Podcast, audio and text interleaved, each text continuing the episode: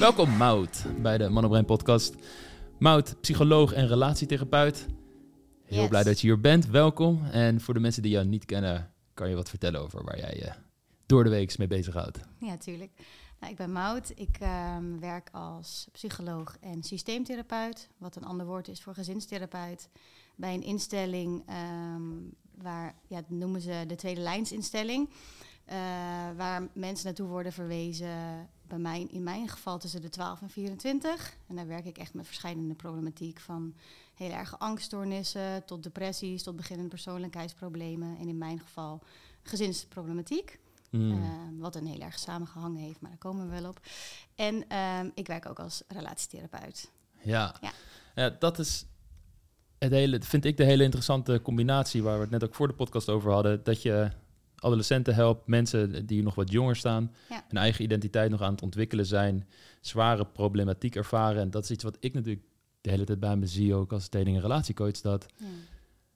hoe jij als persoon bent zo nauw verweven is met de relaties die je hebt. En dat je dat niet los van elkaar kunt zien. Dus dat er altijd wel patronen, angsten, overtuigingen zitten onder een liefdesleven dat niet helemaal optimaal functioneert. Ja. Ondanks dat je misschien in andere gebieden wel Ja. floreert. Dus dat je soms een prachtige carrière kunt hebben, leuke vrienden kunt hebben, eh, gezond in je lichaam kunt zitten en sporten, noem allemaal op. Ja.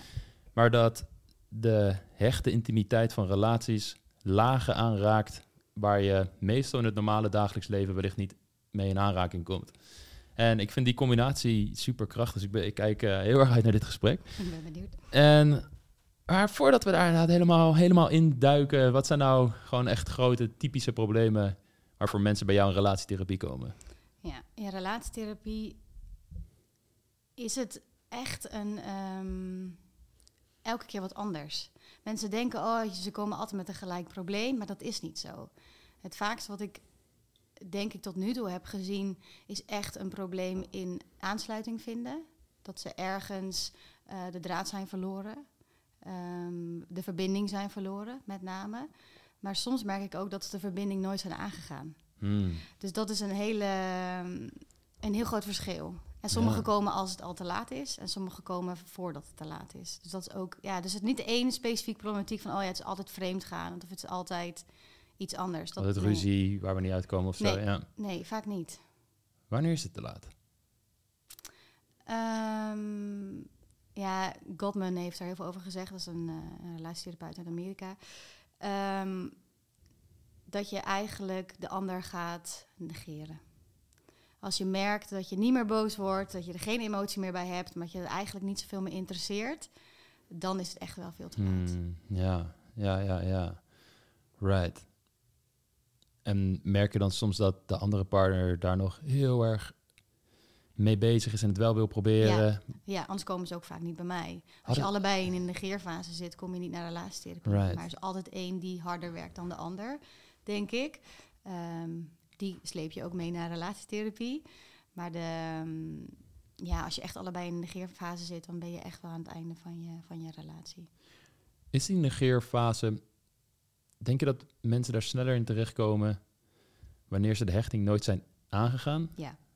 Ja, dat denk ik wel. Ja, en ook dat ze zichzelf heel erg zijn tegengekomen. Of dat ze zo angstig worden dat ze het niet meer aan willen gaan.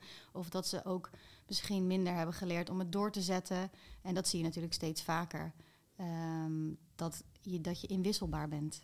Juist. Mensen willen beter, meer, minder ruzies. Dus die, gaan, die tunen heel vaak heel snel uit. Hoe jonger iemand is, hoe vaker dat gebeurt. Eh, ik denk in het, in het algemeen, maar bij mij in de praktijk zie ik dat net iets anders. Maar ik denk wel dat als je is- denkt, er, het gas is groener, eh, dan geef je ook sneller op. Hmm. Dat is iets wat je vaak hoort in de tijden van sociale media en online dating. Er zijn te veel opties. Ja. Dan heb je de keuzeparadox. Je bent minder tevreden met de keuze waar je voor gaat, omdat je zoveel andere opties hebt.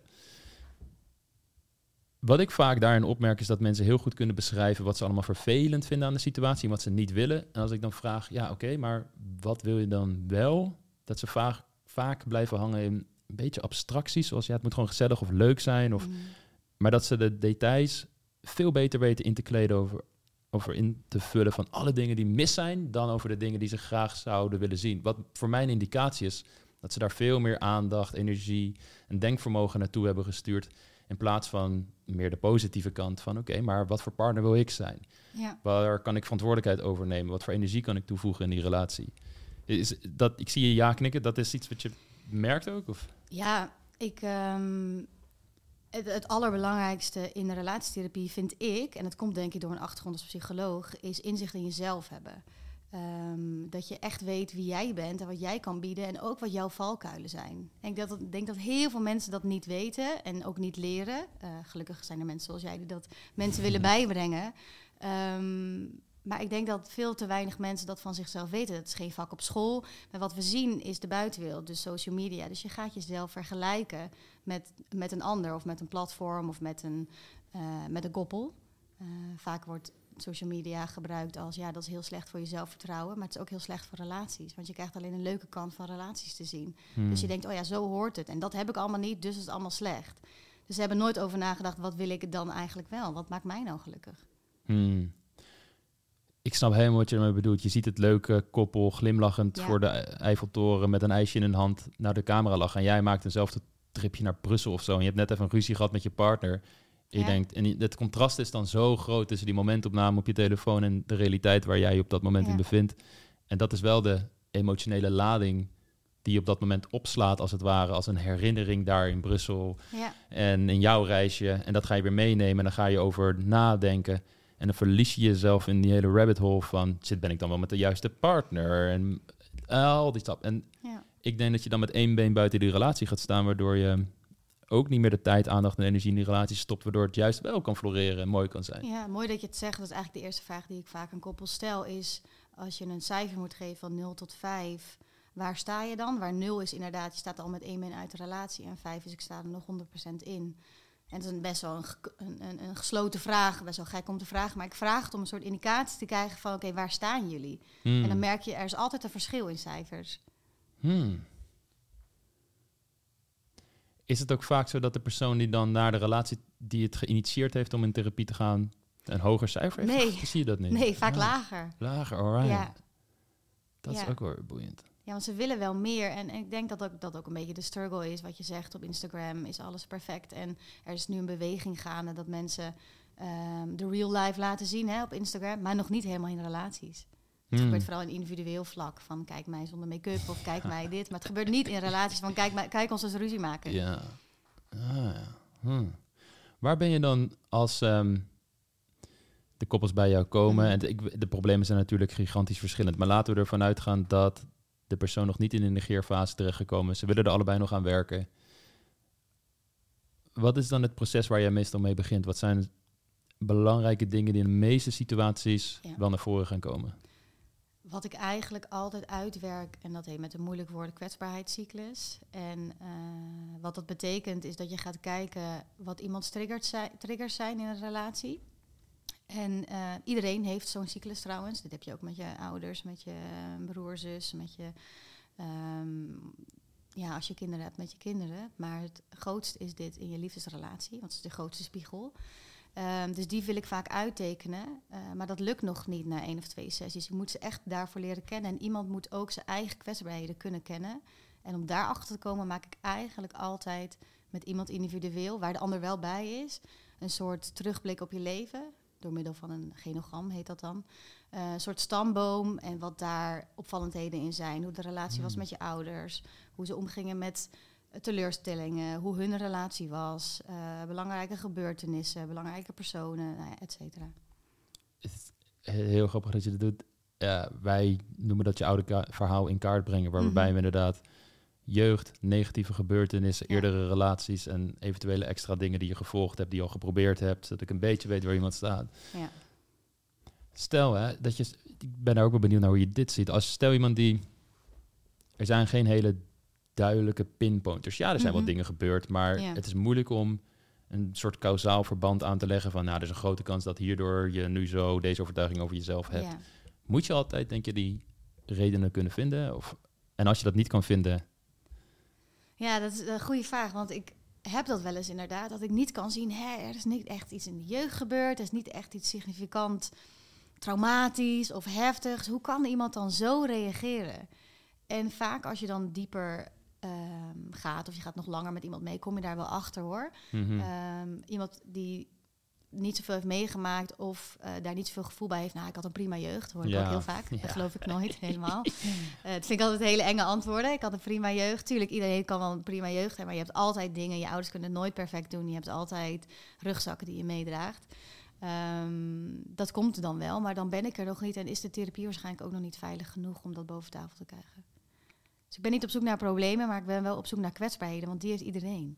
Ja, moeilijkheden, dingen waar je mee worstelt. Ja. En Hmm. triggers, dingen die jou triggeren, Hmm. waardoor jij op die manier aan jouw partner reageert en niet bij, een, bij je buurman of je vrienden. Volgens mij in het voorgesprek noemde jij iets als... heel veel koppels zouden er goed aan doen als ze een soort APK voeren voor een relatie. Dus inchecken van tevoren voor van ja, wat zijn onze kwetsbaarheden in de relatie? Wat vinden we moeilijk? En waar zouden we gewoon aan, aan willen werken? En werk is misschien dan, nou, waar zouden we gewoon meer over willen ontdekken als je de lading of zo eraf van zou Ja. willen halen? Hoe zou dat er praktisch uit kunnen zien? Hoe kun je dit op een soort manier doen in je relatie? Want ik denk dat veel mensen ook herkennen van ja, ik zou er wel wat voor voelen, maar ik vind het ook een beetje gek. Mijn partner vindt het misschien gek. Die denkt Ja. van ja, eh, gezeurd gaat toch goed? Dat je zo'n reactie kan krijgen. Ja. Hoe zou je dat kunnen introduceren in je relatie? Ja, ik denk dat het ook een maatschappelijk eh, belang heeft. Ik denk dat het heel belangrijk is dat we de taboes meer gaan doorbreken van therapie in het algemeen. En therapie is voor heel veel mensen een heel zwaar woord. Dus misschien moeten we het ook gewoon met z'n allen iets anders gaan noemen. En Hmm. zelf ja, je eigen verhaal inderdaad ontdekken. En ik denk ehm, dat het heel fijn zou zijn als het heel vroeg begint. Ik werk ook met jongeren en die hebben ook niet veel kaas gegeten van relaties. Doen ze steeds meer, gelukkig, want ze lezen meer Hmm. TikTok is best wel veel eh, over eh, relaties, et cetera. YouTube, podcasts. Ja. Ze hebben veel groter bereik. Eh, dus ik denk dat het heel vroeg moet beginnen. Ik denk dat je gewoon educatie moet krijgen over wat zijn relaties, wat zijn emoties. Dat daar gewoon veel meer bij stil moet worden gestaan. En dat je dan later in het leven makkelijker een beetje tegen je partner kan zeggen: hey, zullen we dit doen? Want het is veel normaler geworden al. Zeker als je partner inderdaad ook is blootgesteld aan een soort gelijke informatie. Ja. En dat daar al wat, wat minder Ja. gek gaat vinden. Ja. Dat is een utopie, hè, wat ik nu ja. wat ik nu beschrijf. Maar wat je, wat je vraagt eigenlijk iets anders. Je vraagt eh, hoe kunnen we dat nu doen? Ehm, en dat is denk ik aan het begin van je relatie. Als je een relatie aangaat van ja, ik vind jou heel erg leuk en ik wil echt met jou verder. Maar zullen we kijken waar ook onze moeilijkheden kunnen komen te liggen. Mhm. Zodat we dat voor kunnen zijn in plaats van dat we dat allemaal mee gaan maken en misschien wel in de shit kunnen raken. En dan is natuurlijk de angst voor veel mensen. Ben ik dan niet te veel? Stel ik niet te veel druk? Word ik niet als een zeur of als een moeilijk persoon gezien? En ik krijg heel veel vrouwen, vooral vrouwen bij me, die Mhm. zeggen van ja, dan ben ik aan het daten met een man en eh zeg ik oké, maar het lukt allemaal niet. Ik, oké, hoe lang al? Ja, al drie jaar bijvoorbeeld. En je drie jaar aan het daten, het, weet je, er zijn dan al zoveel momenten geweest in dat contact waar je iets had moeten aankaarten wat niet lekker zat. Ja, Maar ik zie dan dat twee dingen. Eén is, ze twijfelen aan hun eigen judgment, hun eigen eh, vermogen om te beoordelen of, ze dit, of dit inderdaad een issue is waar ze iets over moeten zeggen. Dus ze vertrouwen hun eigen intuïtie daarin niet. En het tweede is dat ze ook bang zijn dat ze de andere persoon weer gaan kwijtraken op het moment dat ze het doen. Mhm. Waardoor ze maar over dingen heen blijven stappen en dus een fundament leggen van Ja. Wij gaan geen moeilijke gesprekken aan over heel veel dingen. Mhm. En ik laat jou wegkomen met een behandeling die eigenlijk niet lekker zit. Mhm. Waardoor je paradoxaal genoeg jezelf alleen maar minder aantrekkelijk maakt. Want die andere persoon denkt, oh, die komt ook niet voor zichzelf op. Nou, dat zal wel niet heel veel waarde hebben dan. Want dat is toch wat er gaat gebeuren, hoe je mensen Ja. beoordeelt. En een van de grote dingen die ik altijd moet doen, is van ze eerst gewoon een map geven van oké, dit is hoe je van ongeveer van ontmoeting tot relatie gaat. Dit zijn een soort van de grote pijlers die sowieso belangrijk zijn in het daten, waar je echt wel Mhm. op wil zitten. Als dat er ontbreekt, moet je dat aankaarten. Ja. En het tweede is dat je met een waardigheid aan de slag moet gaan. Van dat ze het ook waard zijn dat een man voor een durft te kiezen. En dat moet stapje bij stapje Ja. groeien. Dit gaat dan echt over, over het daten. Als jij naar de vergelijking doortrekt naar relaties. Wat zou je nou zeggen van ja, dit zijn toch wel een soort universele principes die elke relatie, dat wil je er liever wel in hebben in een bepaalde vorm. Het hoeft niet dat iedereen hetzelfde doet, maar Mhm. Nou, ik denk wat jij dat het ehm, niet, niet per se een vervolg is, maar ook een beginstap. Dat je individueel ook heel goed weet, ehm, dit verdien ik. Ja. Dit mag ik verwachten van een ander. En ik weet dat ik dit gedrag ga vertonen als ehm, iemand anders dit doet. En ik zou daarin zeggen dat je op, echt op reis moet en op zoek moet naar je eigen verhaal. En dat dat heel erg belangrijk is. En dat in een relatie je ook mag verwachten dat iemand dat in jou uitdaagt. En dat iemand jou uitnodigt om jouw kwetsbare zelf te zijn. Dus ook jou kwetsbaar kan laten zijn in van ja, ik heb dit nodig van je omdat ik belangrijk vind dat we het goed gaan doen. Dus daarin begint het een beetje bij, ja, toch weer bij jezelf leren kennen. Hmm. Ik denk dat dat nog wel de belangrijkste pijler is voor een goede relatie. Is echt zelf ook weten waar jouw kwetsbaarheden zitten. En zelf weten waar jij van aangaat. En ook van uitgaat. En waardoor je zo lang in een driejarige niet-relatie blijft zitten. Mhm. Als jij een beschrijving zou moeten geven van een goede relatie, hoe zou je dat doen? Ja, dan vragen natuurlijk heel veel mensen als relatietherapeut. ik zal als eerste zeggen, die bestaat niet. Een, een perfecte relatie bestaat niet. Een goede relatie bestaat zeker. Ehm, en ik denk dat een fundament daarin is, en dat is ook voor heel veel voor iedereen anders, maar een fundament is wel communiceren over je eigen gevoelens. Dus weten wat jouw gevoelens zijn, waar ze vandaan komen, wanneer ze heftiger zijn en wanneer niet. En dat je dat ook ehm, los kan zien van je partners gevoelens. En dat Hmm. vinden heel veel mensen moeilijk. Die denken, ja, maar ik denk toch zo, dus het is toch helemaal niet logisch dat jij zo denkt. Waarom maak je hier zo druk om? Maar dat je dus heel goed kan mentaliseren. Dat je heel goed kan bedenken, oké, jij denkt echt fundamenteel anders dan ik. En dat kom ik het vaakst tegen. En je vroeg op het begin, wat kom ik het vaakst tegen? Eigenlijk dat twee mensen heel fundamenteel anders zijn, maar dat ze dat bijna niet accepteren. Ze willen heel graag dat de ander hetzelfde gaat denken en hetzelfde gaat voelen en hetzelfde met emoties omgaat als zij. Hmm. Maar dat gaat niet gebeuren. Dus het is heel belangrijk om te weten, oké, ik ben zo, ik ben ook uniek. Eh dit is mijn blauwdruk, dit is mijn verhaal. Iemand anders heeft een eigen verhaal. Mhm. En vanuit daar komen gedragingen. En wat mensen in een relatie vaak doen, en dat is ook wel logisch, dat doe ik zelf ook als ik eh, mijn eigen triggers heb, dat je je persoonlijk aangevallen voelt. Oh ja, dat komt allemaal door mij. En dan kan je in je, in je rabbit hole van onzekerheden en Mhm. ellende gaan schieten. Ja. Ehm, en ik denk dat dat heel vaak gebeurt.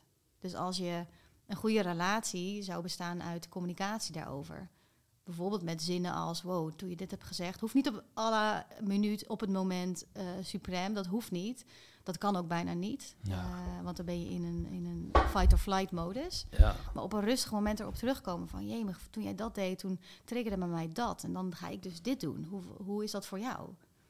Right. Ja, het is, ik zit erover na te denken. Het, ehm,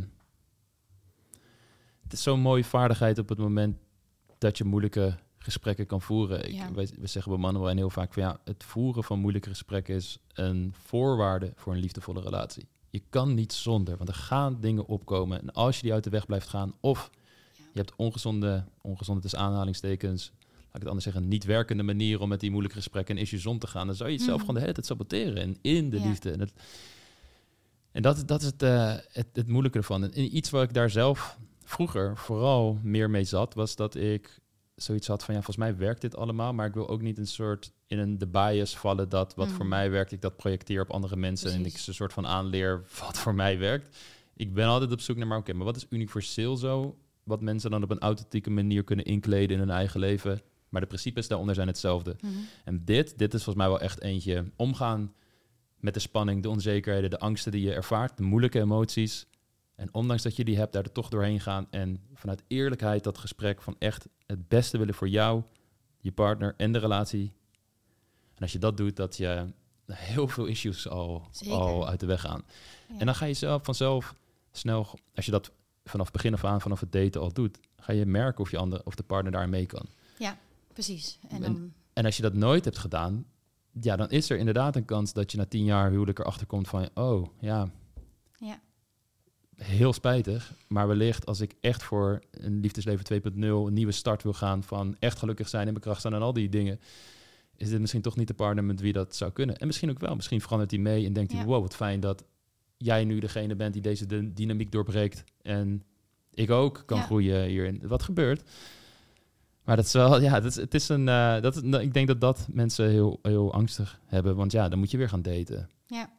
Je moet weer de, en allemaal als je al 30 jaar in een huwelijk zit en er is opeens online dating en WhatsApp bijgekomen, blauwe vinkjes, zien of iemand online is en Ja. termen zoals ghosten, friends with benefits, en noem het allemaal maar Ik op. ben heel blij dat ik geen 16 meer ben.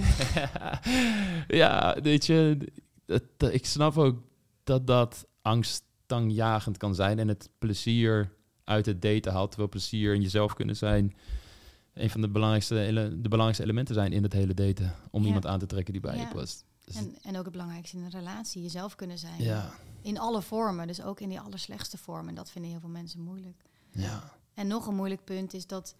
Ik weet niet of die, of die dames die bij jou komen... ehm, dan ook vaak de meer introverte persoon zijn. Want het is natuurlijk nogal wat om al die gevoelens maar te delen. En al helemaal als niemand dat van je vraagt. Hmm. En dan nagaan, ja, is dat dan de persoon voor mij? Is denk ik ook belangrijk. Want misschien heb je wel iemand nodig die dat meer uit je gaat halen. En die daarin jou meer uitdaagt en meer spiegelt. Ja. Wij krijgen, ehm, ik zou echt zeggen, alle vertegenwoordigers van de groepen mensen in de samenleving wel bij ons. Van CEO's tot studenten en van introvert tot extravert. Mensen die heel hun leven echt totaal op orde hebben en Mhm. niemand begrijpt waarom ze single zijn en eh, alles is helemaal prachtig, maar in de liefde lukt het niet. Tot mensen die ja, met, heel, met heel veel kanten van het leven worstelen. En eh, wat dat betreft krijgen we alles wel. En- En het komt ook bijna altijd op hetzelfde neer. En dat is toch naar binnen keren, diepere lagen, de overtuigingen die eronder zitten. Ja. Gekoppeld aan ook gewoon heel praktisch advies van... Oké, de blauwdruk voor relaties en daten die je nu hebt, die werkt niet helemaal. Door deze en deze reden. Hier is een soort blauwdruk van dingen die je ook praktisch gewoon Mhm. kunt doen. En hoe je het gesprek kunt aangaan. Met bijvoorbeeld die zinnen die jij gaf. Die mensen toch houvast geven om in een moeilijke situatie tot een constructief gesprek te komen. Ja, ja. Je werkt ook met adolescenten en eh, toch wel wat zwaardere gevallen. Is dat, is dat, is misschien niet helemaal de juiste term daarvoor, maar hoe Ja, ze, zijn altijd, ze zijn altijd doorverwezen door een andere partij. Right. Eh, dus door of een huisarts of een jeugdteam of door een basis GGZ noemen ze dat dan, eh, omdat zij niet verder komen. Dus het is vaak wel wat zwaarder dan ehm, Mhm. ja, de basis, zeg maar.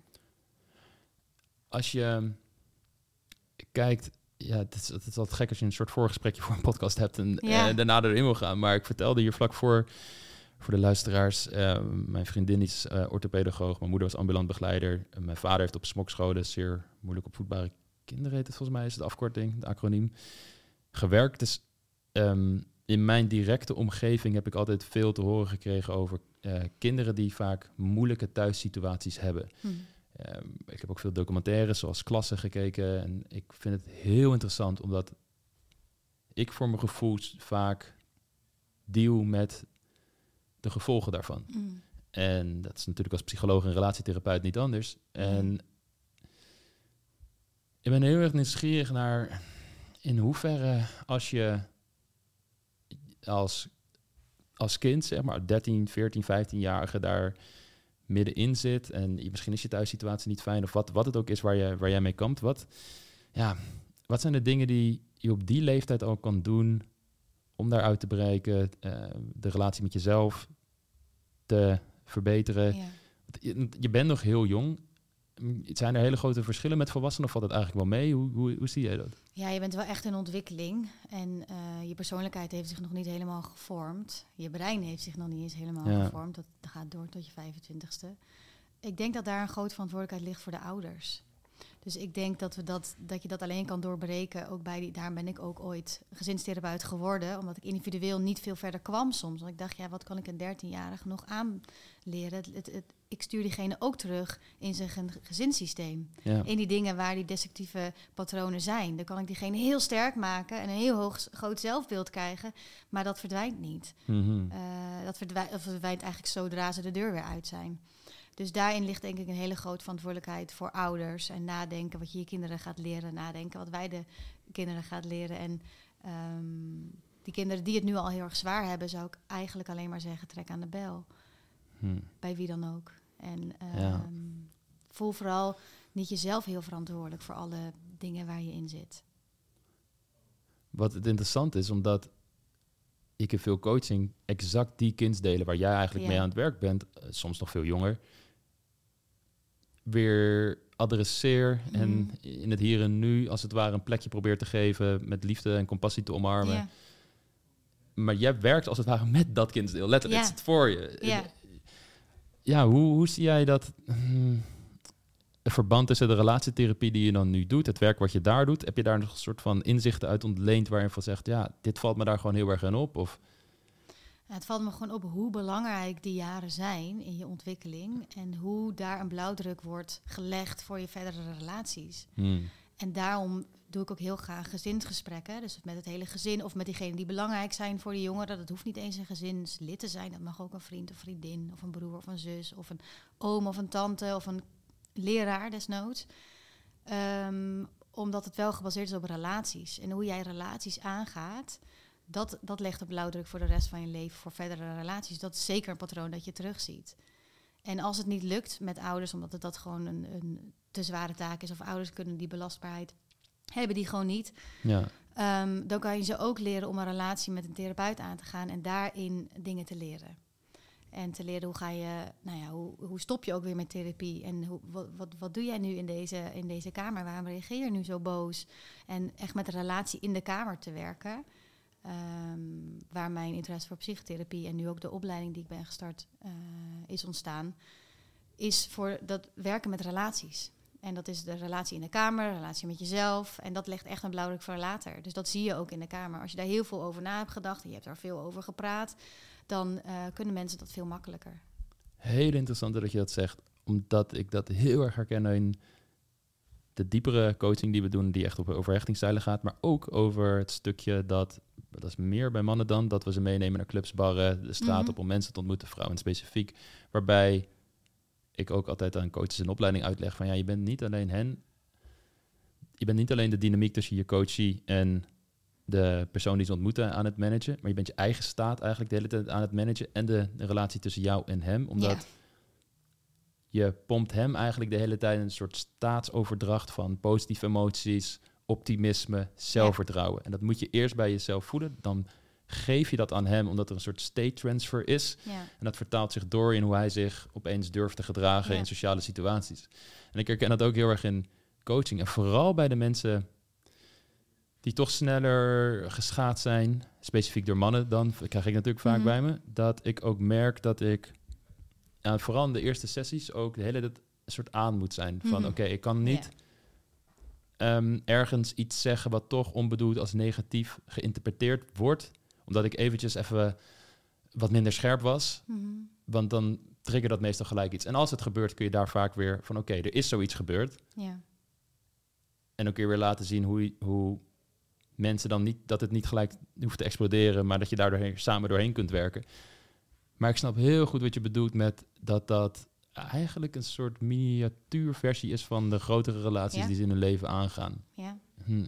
Is dat gebruikelijk, zou je zeggen, steeds meer in de therapie... dat dat doet? Of is dat meer iets wat je zelf gewoon hebt ondervonden... van dit werkt volgens mij en het is belangrijk? Nou, ik denk dat het in eh, het leven wel steeds gebruikelijker wordt. Ik weet niet per se of dat. Ja, in de therapie eh, gaan we ook steeds meer af van die klassificaties, gelukkig. En steeds meer kijken, hè, wat is iemands verhaal en hoe komt dat? Ehm, dus ik hoop het wel.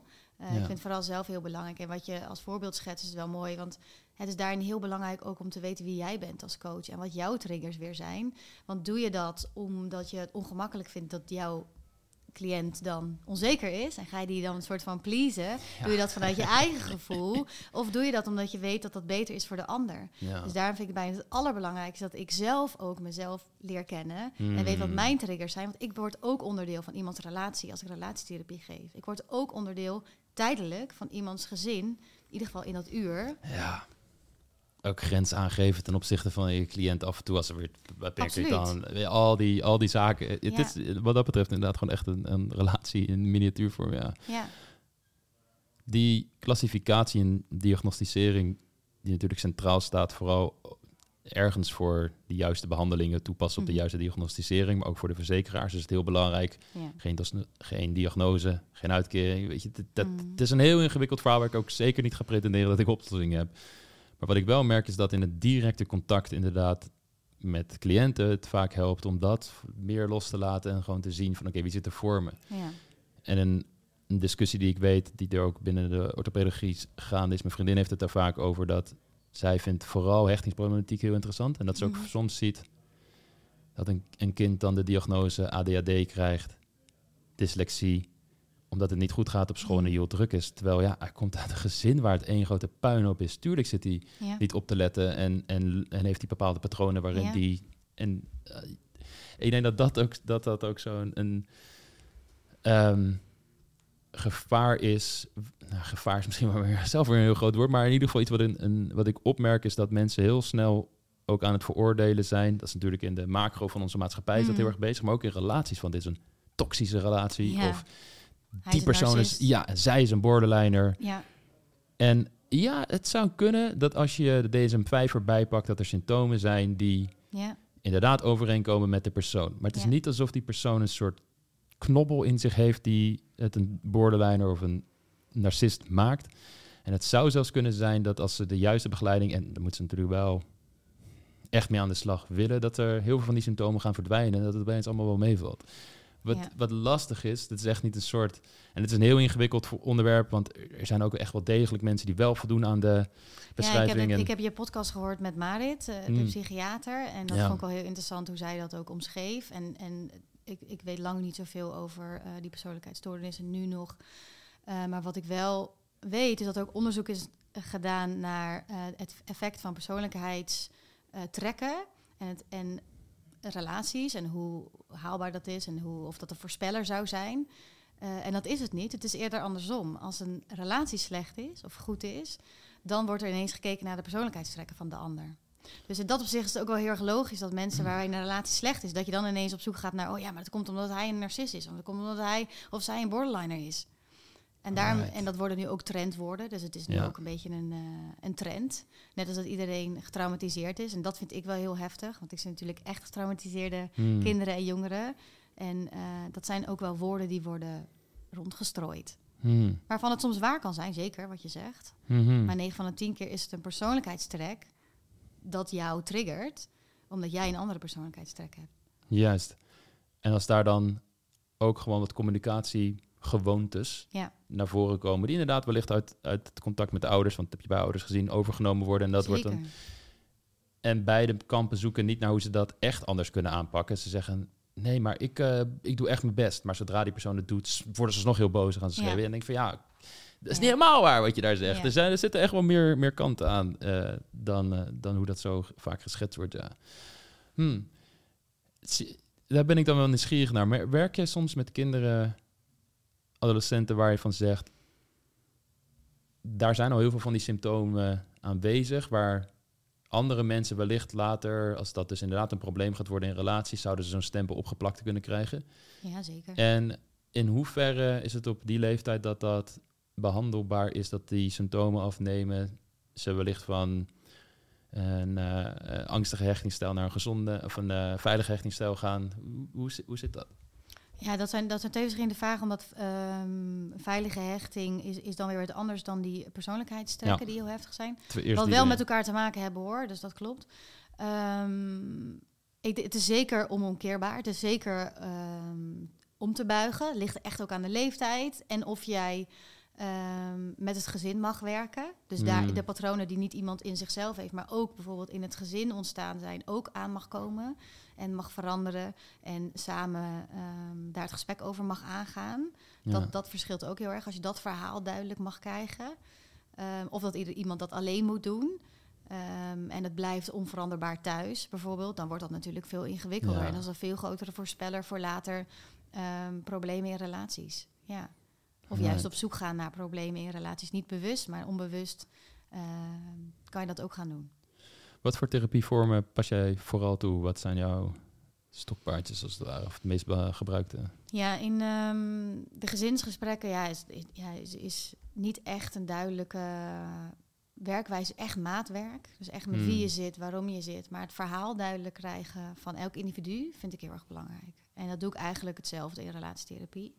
Hmm. Ehm, en in, individuele therapie zelfs, dat ik belangrijke relaties in de kamer haal. Soms niet letterlijk, maar wel van, hé, hey, wat zou je vriend zeggen als hij hier zit? Of wat zou je moeder zeggen als die hier zou zitten? Ook als ze al overleden zijn bijvoorbeeld. Ehm, maar mijn stokpaardjes zijn wel echt ook teruggaan naar, naar de hechting. En hoe ben jij gehecht? En daar hoeft niet een diagnose uit te rollen. Of ik, Hmm. maar ik zeg, spreek wel vermoedens uit over ehm, nee, onveilige hechting. Of ik merk nou, dat je vaak zo reageert in gesprekken. Dus ja, de stokpaardjes zijn wel echt hechting, verleden, heftige gebeurtenissen. En ook hoe je in latere relaties bent geweest. Dus voor je relatie waarbij je bij mij komt, maar die relatie daarvoor bijvoorbeeld, Ja. die zijn ook heel belangrijk. Dat Ja. vergeten sommige mensen nog wel eens. Ja, Ja. ja, ja, ja. Dat is ook iets wat ik van mannen vaak hoor. Maar dan meer van de vrouwen die met die mannen daten. Van ja, mijn vorige relatie heb ik dit en dit meegemaakt. Dat wil ik echt absoluut niet meer. Ja. En eh, daardoor ga ik nu niet meer samenwonen. Of ik ga niet meer dat. Of ik ga niet meer zus. Dat een oversimplificatie is op basis van nou, eigenlijk die ene zwarte zwaan die je gezien hebt. En dan zegt hij al die zwanen, het is allemaal hetzelfde. Eh, ja, dat, dat blijft dat soort over. Ik zeg niet dat je alles per se moet veranderen. Ik denk dat sommige van die dingen, ja. Als je eh, bij wijze van spreken op een gegeven moment 70 bent en je gaat een lat relatie aan, je wil niet meer samen, prima. Ik denk Ja. dat het ook in sommige gevallen het, het werkt als het werkt en als je gelukkig bent, is het gelukkig en het Ja. hoeft niet altijd aan een bepaald plaatje te voldoen of zo. Maar wanneer het heel erg vanuit angst komt of schrik voor van, ja, dat gaat me gewoon sowieso heel veel pijn opleveren, Hmm. terwijl je het stiekem misschien ook wel een gedeelte in jou er eigenlijk naar zou verlangen en het Ja, heel fijn zou vinden. Eh, ik denk dat het dan inderdaad goed is om daarmee aan de slag te gaan, er doorheen te werken. En ja, boeiend. Die, ehm, als je, je vertelde al van, oké, ik zie vooral bij jongere mensen dat ze relaties, dat ze toch wat meer kijken wat, wat de verschillende opties zijn, ehm, sneller twijfelen, sneller zich distancieren als er negatieve dingen gebeuren. Waarvoor komt dat vooral? We hebben een paar dingen genoemd. Sociale media Mhm. is een eentje van. Online dating, er zijn meer opties. Zijn er nog andere aspecten daarin waar je van zegt... dat zou nog wel een rol kunnen spelen? Ja, ik denk ook echt, echt het vergelijken. Vergelijken met andere mensen. Eh, dus niet Mm. alleen op social media, maar ook gewoon naar vrienden kijken. Van, oh ja, hoe doen die het? En ja, je ziet nooit die ruzies achter de achterdeur natuurlijk. ehm, Ja, Als je een gezellige avond hebt. Maar je hoort wel achteraf, ja, maar zie hoe lief die tegen elkaar doen, dat doe jij niet. Nou ja, dat soort voorbeelden, dat hoor je dan ook wel eens in de kamer. En ik denk wel dat jonge mensen steeds, hoop ik, steeds eerder in therapie komen. Ehm, omdat ze wel sneller doorhebben wat er niet goed gaat of wat, wat er beter zou kunnen. Maar ik denk wel dat, dat de generatie hiervoor, of de generaties hiervoor, ehm, minder individualistisch denken. Dus ehm, meer denken ook voor het geheel en automatisch misschien wat iets makkelijker soms mentaliseren. eh, om voor het grotere, grotere geheel en het grotere goed. Van ja, dit is nou eenmaal zo. Wat ook weer zijn keerzijde heeft hoor, zeker. Die zijn veel minder in hun emoties en dat soort van een andere tak. Ehm, maar die zijn wel ehm, meer, ja, sneller tevreden. ja. Ik denk dat het is. Er wordt, er wordt ook wel eens gezegd dat millennials en de generaties die daarna komen... de generatie van de maakbaarheid zijn. Dus alles moet maar perfect vormgegeven worden. We leven in een soort perfecte meritocratie... waarin als jij geen succes bent, is dat 100% je schuld. Want ja, je moet gewoon harder werken en beter je best doen. Ja. En dat, dat de, natuurlijk de prestatiedruk ook met zich meebrengt... en het altijd maar harder willen gaan. En Ja, Nee, ik, ik had gisteren nog een, een interessant. in- Ik heb zelf, ehm, ik ze veel, ik worstelde in het begin ook met twijfels over mijn relatie, terwijl ik dacht, maar er, er is niet per se iets echt om over te twijfelen. Dit zegt in mij. Mhm. En dat is iets wat ik natuurlijk heel veel hoor van Ja. mensen. Ik zal het waarschijnlijk ook veel bij je krijgen. En waarbij ik echt op onderzoek moest gaan. Ja, het is wel grappig. Ik heb altijd een, zwak gehad voor vrouwen met bruine ogen, bruin haar. eh, meer Zuid-Amerikaans, Mhm. Latina's. Dat was mijn ding. Mijn vrienden maakten er altijd grappen over. En mijn huidige vriendin eh, heeft een Zwitsers paspoort en spreekt geen Spaans. Wel Zwits doet, wat ook hartstikke leuk is. Maar ergens matchte dat niet in mijn hoofd. Oh ja, En het slaat nergens op.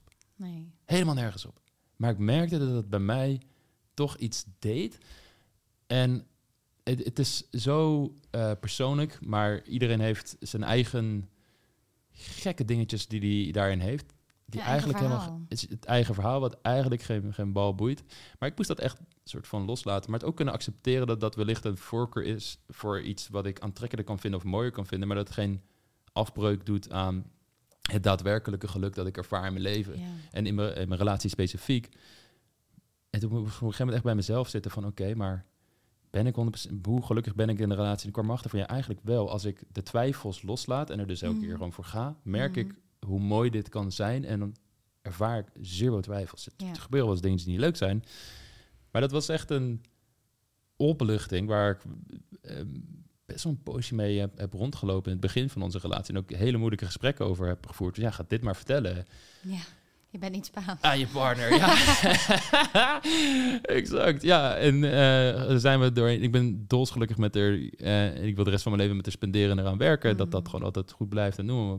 Maar het, ik zat toen ook al wel van, ja, je moet ook wel bereid zijn om dat te gaan onderzoeken. En, en wanneer weet je nou dat iets echt belangrijk voor je is en dat ja. dat niet onderhandelbaar is, maar waar je van weet dat is super fijn voor me. En wanneer is het nou iets wat je ook zou kunnen loslaten omdat het niet zoveel boeit eigenlijk?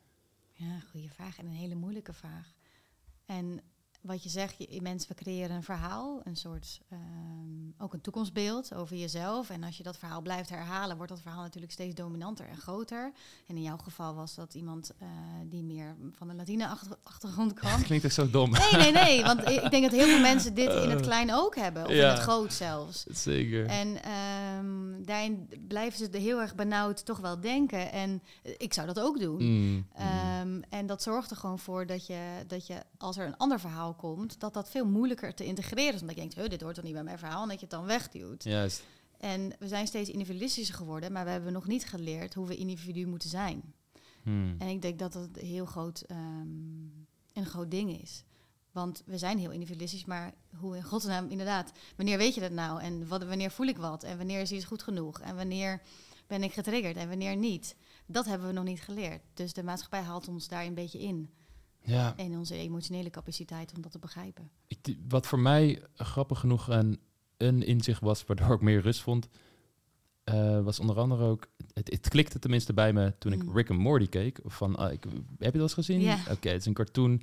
En dat, ze hebben het daar vaak over, volgens mij, intergalactic television. En het gaat ook over, een, over andere parallele universums die er allemaal zijn, waarin je verschillende levens zou kunnen leiden. Yeah. Hoe het bij mij klikte was letterlijk van, oh ja, er is niet één pad wat mij gelukkig gaat maken in het leven. Nee. Wat heel rigide gevolgd moet worden. Er zijn wel belangrijke principes voor mij.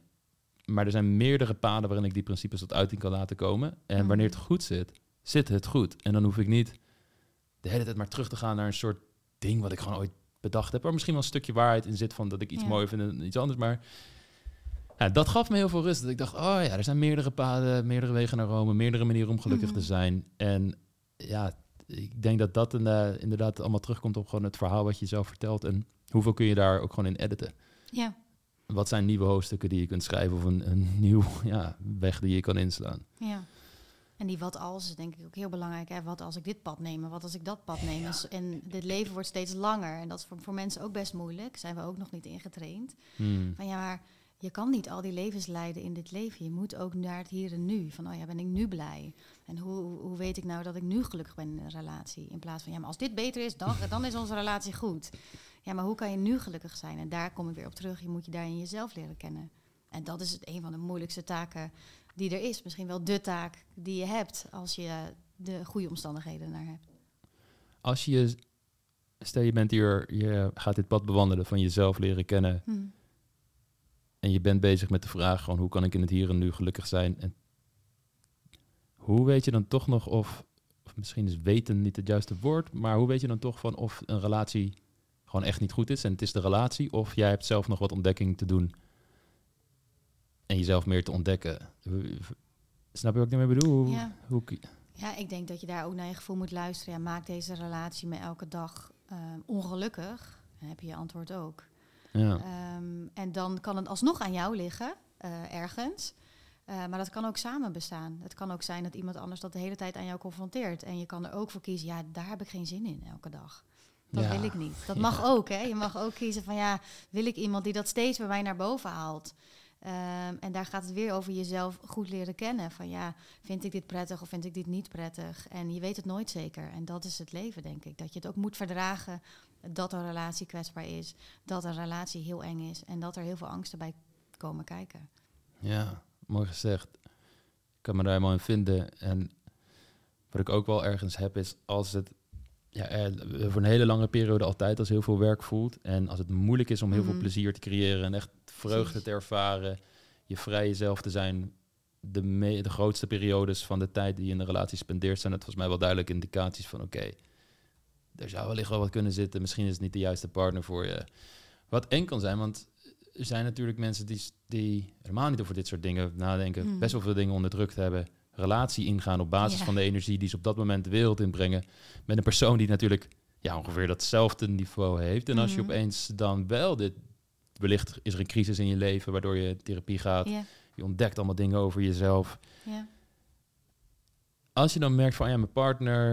En dat ik zonder een soort verheven te voelen boven je partner dat jij beter bent, maar meer van volgens mij kunnen we onze relatie naar meer plezier creëren, meer liefde, al die dingen. Eh, en ik heb dingen over mezelf ontdekt. Ik zou dat graag samen met mijn partner Mhm. willen zien of we hier samen een nieuw pad in kunnen slaan. Wat, wat raad je mensen dan aan? Hoe kunnen ze dat, hoe kunnen ze dat doen? Ja, ik zou. Ik denk echt dat het heel erg moeilijk is om dat als koppel zelf altijd maar te doen. Die vraagt best wel veel van jezelf. Want je moet en naar jezelf kijken en naar de relatie. En als een soort eh, uitgezoomde versie van jezelf naar jezelf en de relatie kijken. Een soort van drie personen. Dus dan zou ik altijd aanraden om naar een derde persoon te gaan. En helaas is relatietherapie niet meer vergoed. Zou het wel moeten zijn, omdat Mhm. het zo belangrijk is. Tja. En ik denk, ehm daar zou ik altijd adviseren om naar iemand anders te gaan. En het hoeft niet per se een therapeut te zijn. Dat mag ook een coach zijn of dat mag ook een eh, familielid of een vriend. Van, hé, hey, wat vind je eigenlijk van ons? En wat denk je wat mijn triggers zijn? Maar daarin eh, jezelf verantwoordelijk maken is, is ook heel veel gevraagd. Het is hartstikke Ja. moeilijk. Ja. Ook voor mij als relatietherapeut. Ja, het is Ah. niet dat ik een ideale relatie heb. Bij de loodgieter lijkt het ook. Ja, dat, dat, dat is wat het is. Ik kan niet constant en uitzoomen. Ik ben ook mijzelf in mijn relatie. Ja, daar kan mijn vriendin over meepraten. Die Ja. maakt altijd grappen over. Maar eh, ja, nee, helemaal mee eens. En ik, dat zat ik ook wel eens te denken van ja, ik ben hier letterlijk elke dag mee bezig. Ja. En kijk hoe ik in mijn, mijn heel veel van die vraagstukken zelf al heb geworsteld. En gelukkig, omdat ik hier zoveel mee bezig ben, heb ik ook toegang tot bronnen die mij weer heel veel geleerd hebben. Eh, van echt de grote namen zoals, zoals Esther Perels, maar, maar ook gewoon in, in, in bijvoorbeeld in zo'n gesprek zoals nu, waar ik ook weer dingen opsteek. Mm. En als je naar iemand toestapt die die kennis heeft, die dat werk al voor jou heeft gedaan, brengt hij de nuggets die exact voor jou van toepassing zijn, die jij kan toepassen, waardoor je verder komt. En dat is hetzelfde als jij slecht bent met computers. Ja, je, je kan zelf gaan leren programmeren Precies. en al die dingen. Of je gaat naar iemand toe die dat met jou kan fixen. Ja. Het, het is niet anders. Het is echt ook een grotendeels gewoon vaardigheden aanleren. Eh, en dat doe je het snelst als iemand daarin getraind is, die weet hoe ze jou dat kunnen bieden. Ja, Waar- waarom is dat nog steeds zo'n taboe, denk je? Waarom is dit nog steeds zo'n zwaar onderwerp? ja hele goede We zijn al zo lang onderweg, weet je. De- Ja, en ik merk ook wel verschil, want ik werk ook wel met Amerikanen of eh, expats. Mm. Ehm, en elke cultuur is daar weer anders. Maar Amerikanen, dat, dat is mij wel opgevallen, is het meer transactioneel. Dus die weten, oh ja, ik, ik kom iets bij jou halen. Dus die zitten er ook heel anders dan Nederlands. Dat is even een, een voorbeeld om te illustreren dat dat ook eh, niet universeel is. Dat is echt per cultuur ook weer anders. Hoe, hoe heb jij geleerd om met emoties om te gaan? Dat is cultureel bepaald. Ehm, dat is ook nog in een subgroep bepaald. Dat is ook nog in je gezin van herkomst bepaald. Maar door het meer open te gooien, ehm, nou ja, door dit soort dingen, een podcast of een boeken of eh, tv-programma's, daar meer bij stil te staan, ehm, open je denk ik het gesprek daarover. En ik denk dat het allerbelangrijkste is. Dat je denkt, emoties, emoties, oh ja, die heb ik ook nog. Hmm. Hoe ga ik daar eigenlijk mee om? Die transseksualiteit van zo'n relatie, dat bedoel je dat tussen de therapeut en... Ja, Dus ja. oké, daar weten ze gewoon, ik kom wat bij jou ik halen. kom wel bij jou alright. halen en die kunnen vrij snel naar zichzelf gaan kijken. Want die weten, oh ja, hier moet ik dit doen. Zeg maar, Ja. net als bij een automonteur breng je je auto. Nou, hier brengen ze hun een kijkje in, hun, in hunzelf, zeg maar. Makkelijker. Ja, met emoties en mijn sores. Eh, en daar Ja. wil ik niet generaliseren dat alle Amerikanen dat doen. Maar het is daar Ja. wel veel normaler Ah, ehm, om in therapie te gaan. Ah. Dat hoort daarbij gewoon, ja, ik ga vandaag naar de gynaecoloog en morgen naar de therapeut. Het is veel minder taboe, dus we moeten het ook gewoon bespreken. En eerlijk over zijn. Is dat dan een beetje gewoon dat, dat Calvinistische in Nederland? Dat, Ja. dat, Ik denk ja. het wel. Ja, ik vind het, ik vind, ehm, doe maar normaal, doe je al gek genoeg. En ehm, Je hebt geen idee hoe, hoeveel ik dat spreekwoord haat af en toe. ja, Ja, zijn weinig dingen waar je. Matthijs boos mee kan krijgen. Maar dat is wel eentje dat ik altijd echt denk, nee, hou op alsjeblieft. ja, en hou je maar een beetje gedijst. Ja. En, en emoties, nou, daar willen we niet te veel van hebben. Zo zijn we echt opgevoed, al een paar, paar generaties lang. Ja. Ik hoorde iemand wel eens zeggen, onze generatie heeft geen grote oorlogen, heeft geen grote uitdagingen. Ja, oké, coronacrisis was er eentje, maar Hm. ja, eh, heel eerlijk, als je dat vergelijkt met de Tweede Wereldoorlog of al die grote dingen, de grote, de waternoodramp, noem het allemaal maar op, dat zijn toch wel heftigere dingen. Eh, dat het ons zwak zou gemaakt hebben. Weet je wel, good times create weak men. Dat is zo'n typisch Mhm. dingetje. Ja, dat is een manier van er naar kijken. Maar hoe ik het zelf zie, is als je de hele tijd een wereldwijde traumatische ervaringen, oorlog, wat gewoon echt wat je zo zwaar kan traumatiseren dat er geen ruimte meer is voor die emoties. Mhm. Dat we nu eindelijk in een tijd leven dat we bij die emoties kunnen gaan zitten en die kennis Ja. kunnen gaan opdoen en Ja, een kans hebben om ons verder te ontwikkelen eigenlijk en de relatie stabieler te maken, gezinnen Ja. stabieler te maken, kinderen anders op te voeden en daardoor een ripple effect door een hele maatschappij kunnen creëren. Ja. Dat is hoe ik er zelf naar kijk. nee, 100%. 100% En dat- eens. Ja, en dat je je eigen uitdagingen moet creëren door in sport uit te dagen en bepaalde en, en, Ja. en dat dat een soort ja, dat wat misschien optimistischere kijk op de tijden waar we in leven eh, op zijn plaats is. Nee, zeker. Ja, natuurlijk zijn er dingen en, en is er ook heel veel eh, aan de hand in de wereld op dit moment. Eh, en misschien dat we daar over 100 jaar weer anders naar kijken over dit eh, tijdperk. Maar ik ben het wel eens dat er, dat er ruimte is voor emoties. Ehm, en dat, er, dat wij de generatie kunnen zijn die het transgenerationeel trauma kunnen doorbreken. Er is heel veel onderzoek gedaan dat eh, trauma echt wel drie generaties kan blijven zitten. Zoals een oorlog. Ehm, en dat zit niet actief in je, maar dat zit passief in je brein. Dus echt genetisch in je brein kan ehm, angstreacties zitten bijvoorbeeld. Eh, dus daarvan loskomen is al best wel ingewikkeld. Eh, zonder dat je überhaupt zelf een oorlog hebt meegemaakt, kun je wel dezelfde angstreacties hebben als je overgrootoma die dat wel heeft meegemaakt. En daarin komen we nu hopelijk inderdaad een beetje los. Ehm, en ontstaat er een kans om hier inderdaad ehm, mee verder te gaan en op in te diepen. Maar wat wel heel erg moeilijk is, is dat mensen dat natuurlijk ook heel erg spannend vinden. Want we hebben nog geen voorganger die het heeft, ons kan leren. Ja. We moeten het zelf allemaal uitvinden. Ja, en dan, dat is het ingewikkelde van psychologie, dat er zoveel variabelen zijn. Dan, dan heb je die trauma's die wellicht van jouw ouders of overgrootouders komen, plus je persoonlijkheid, plus dan de omstandigheden waarin je opgroeit. Wat soms een perfecte storm kan creëren voor allerlei zaken. En dan kan het ook weer zijn dat je broer of je zus veel angstiger is dan jij. En waar zit dat dan weer in? Terwijl jij de soortgelijke, nooit helemaal hetzelfde, maar wel soortgelijke Mhm. opvoeding hebt gehad. De- het veld van epigenetica haalde je daar volgens mij aan met genexpressie die verandert door de Ja. hoeveelheid stress waar iemand wordt blootgesteld. Ja. Ik weet nog dat ik een onderzoek las waarin ze muizen, altijd die arme muizen, Ja. blootstelden aan enorme stress, dus traumatiseerden. En dat ze toen een verschil konden zien in bepaalde genexpressie in de nakomelingen ten Mhm. opzichte van muizen Ja. die dat niet hadden. Ja. Eh, en dat ze ook onderzoek hebben gedaan naar Holocaust survivors, Ja. bepaalde Joodse families, die dan ook een genexpressie, Klopt. met mijn boerenuitleg, eh Nee, nee, heel Ja. goed. Ja. eh, en ik denk wanneer dat veld nog beter ontwikkeld wordt en wijd verspreid wordt qua kennis en geïntegreerd wordt in, in therapie en hoe we dit soort dingen zien, dat heel veel puzzelstukjes ook op hun plaats kunnen vallen van, oh, Mhm. ik- er is niet iets mis met mij waarom ik zo geboren ben en een wat angstiger persoon ben. Er zijn wellicht wat dingen die doorgegeven zijn aan mij. Dat is Ja. oké, kan ik met compassie naar kijken, met liefde naar kijken, nog steeds Ja. mijn leven leiden. Wellicht kan ik het zelfs soms in mijn voordeel ehm, gebruiken. Absoluut.